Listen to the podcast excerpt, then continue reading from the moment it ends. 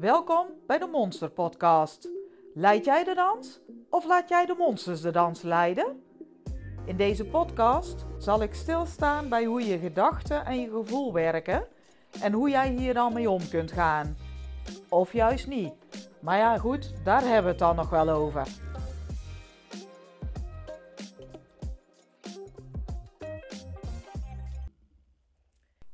In deze monsterpodcast neem ik je mee met de term schaamte.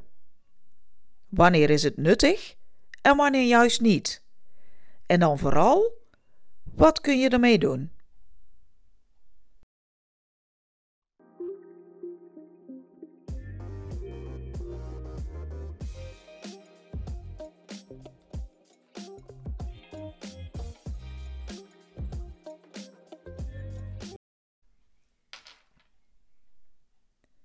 Deze keer gaan we het hebben over schaamte. Schaamte, want iedereen die kent het. We hebben allemaal wel eens een situatie meegemaakt waarin we dachten dat we liever door de grond zakten. En ik verwacht ook wel meer als één moment. Doorgaans zijn gevoelens van schaamte niet fijn. Het is een ongemakkelijk gevoel.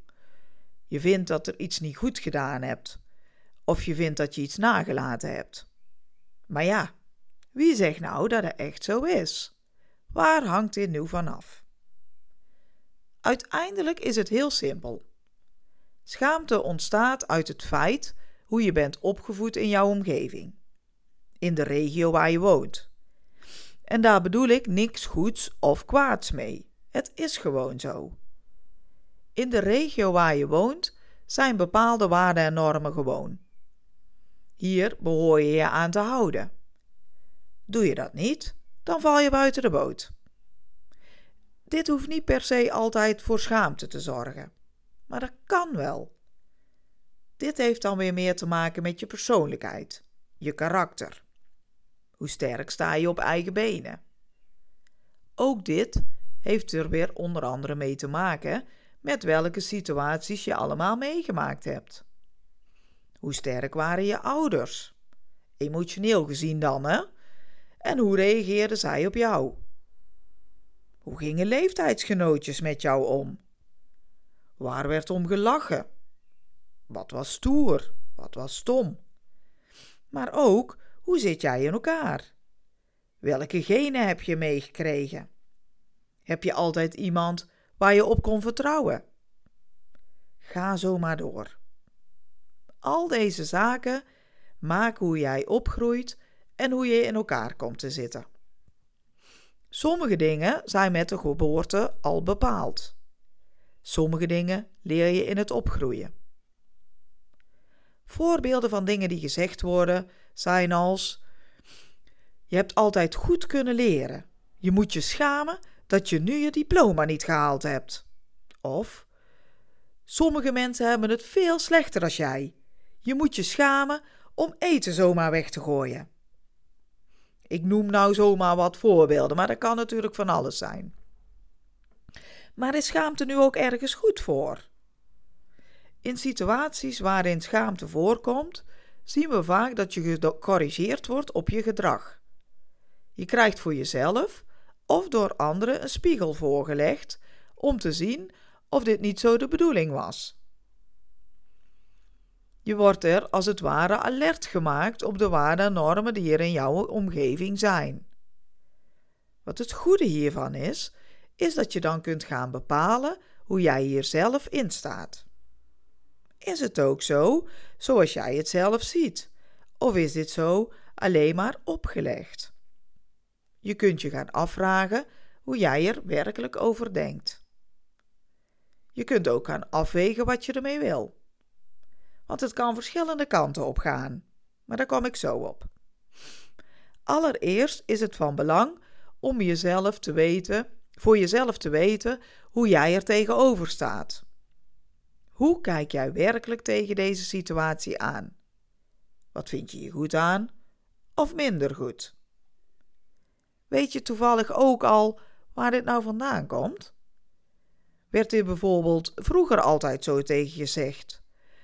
Of komt het ergens anders vandaan? Denk hier voor jezelf over na. probeer dit zoveel mogelijk los van anderen te doen. Echt enkel vanuit jezelf. Dat is zeker niet altijd gemakkelijk. Als je dit vaker doet, gaat het wel steeds beter. Merk in het begin gewoon op dat je toch meer op het spoor van een ander zit. Als je dit opmerkt, dan is dat helemaal niet fout. Voor jou gewoon het moment om weer stil te staan bij hoe het voor jou is. Als je dan zelf weet hoe je erin staat, kun je na gaan denken wat je er dan mee wil. Want we hebben nu eenmaal ook met andere mensen te maken. Wil jij in deze situatie meegaan met andere mensen, of blijf je bij het punt waar je zelf voor staat?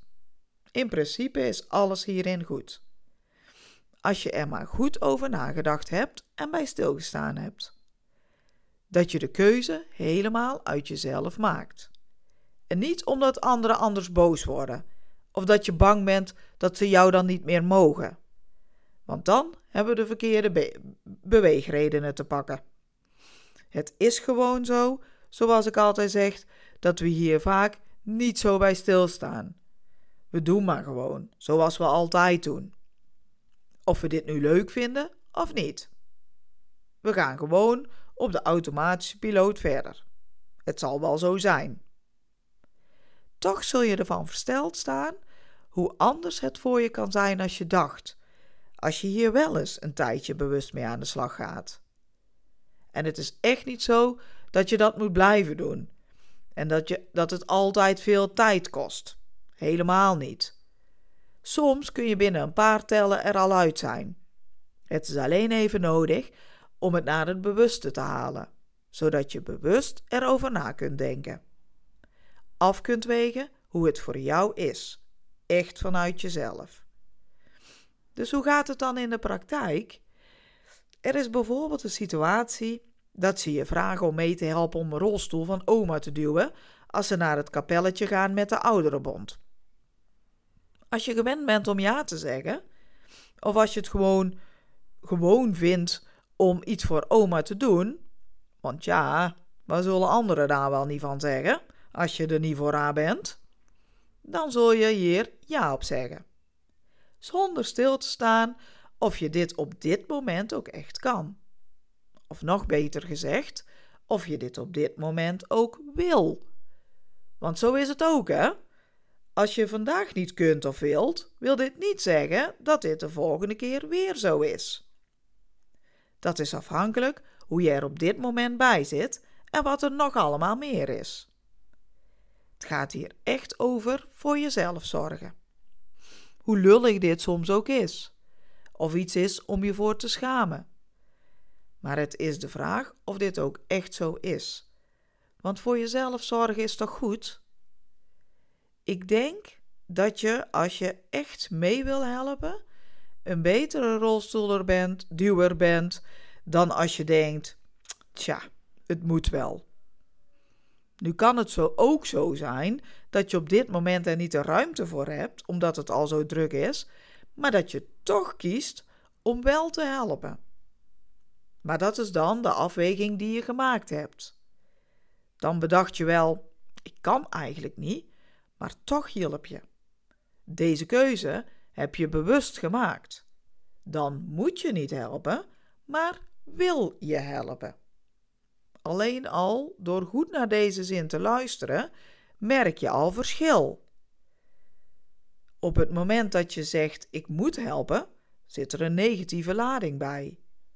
Terwijl als je zegt: Ik wil helpen, dan is het een vrije keuze en sta je daarachter is uiteindelijk voor die ander ook prettiger. En natuurlijk valt het voor de ander ook ooit tegen. Dan hadden ze bijvoorbeeld niet verwacht dat je nee ging zeggen. Maar of je je dan moet schamen hiervoor, is maar de vraag. Want goed voor jezelf zorgen is echt belangrijk. Dan kun je op de lange termijn meer betekenen voor andere mensen, omdat je je happier voelt overal gezien. Als je terugkijkt bij jezelf, is het dan reëel om je te schamen? Of heb je dit alleen maar gedaan omdat je omgeving je afgewezen heeft in deze? En is het alleen in deze? Of is het wijzen ze je af in het geheel? Want ook daar zit natuurlijk verschil in. Als je het idee hebt dat je je in het geheel afwijzen, zul je je sneller en meer schamen dan als je ze je, jou alleen afwijzen voor deze activiteit. Wat is werkelijk het effect als je je schaamt? Wat we zien is dat je jezelf afwijst en dat je jezelf continu bekritiseert en dat je een negatief zelfbeeld opbouwt. Maar nog het allerbelangrijkste, je gaat niet meer volledig jezelf zijn, want je past je steeds meer aan aan die waarden en normen van anderen, zonder dat je echt weet wat deze zijn. Want het gebeurt allemaal in jezelf. Intern, zonder dat je er ook maar iets met anderen over deelt. Dus je bedenkt, je echt denken zelf, in jezelf, wat anderen hun waarden en normen zijn. En daar ga je keuzes op maken. Gek hè, eigenlijk, dat het vaak zo gaat. Want je voelt steeds, jezelf steeds minder waard. Terwijl het op eigen bedenksels gebaseerd is. Dus ga nu eerst maar eens beginnen om stil te staan bij hoe je jezelf over bepaalde dingen denkt. Je hoeft echt niet direct aanpassingen te gaan maken. Ga eerst maar eens even in jezelf checken hoe het zit. Kijk hoe jij erover denkt. Hoe jij het zou willen. Kijk ook al wat rond hoe anderen dit doen. En hoe jij het vindt als ze iets niet willen doen, bijvoorbeeld. Wat gebeurt er dan? En kijk ook eens terug wat het gevolg was van je schamen voor iets. Hoe ging je hiermee om? Wat was je gedrag toen of net daarna? Of de volgende keer als er een soortgelijke situatie was? Wordt deze dan beïnvloed? Durf je zelf minder te doen of te zeggen? Vaak zien we dat die schaamte je in de weg blijft zitten. Je hebt het idee dat anderen het nog weten van de vorige keer. Of nog erger, dat ze een bepaalde mening over jou hebben. Dit wil je rechtbreien. Dus doe je maar meer voor anderen dan je misschien zou willen. En dan? Hoe voel je je dan? Ik denk dat er meer stress om de hoek komt kijken. Dat je bijvoorbeeld meer hoofdpijn krijgt of slechter gaat slapen.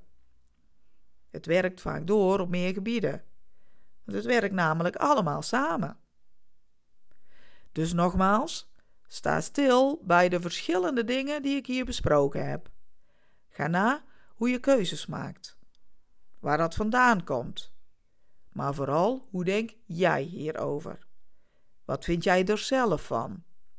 En kijk dan of je erachter komt hoe je hier verder mee wilt omgaan. Kun je dit aanpakken of aanpassen? Of is het nodig hier eerst nog iets voor te leren? Als dat zo is, regel dat dan eerst. En ga dan pas daarna aan de slag met de aanpassing. Want dan weet je alleen maar beter dat het een grote kans is van slagen. Ik zou zeggen, succes en doe de monsters de groeten.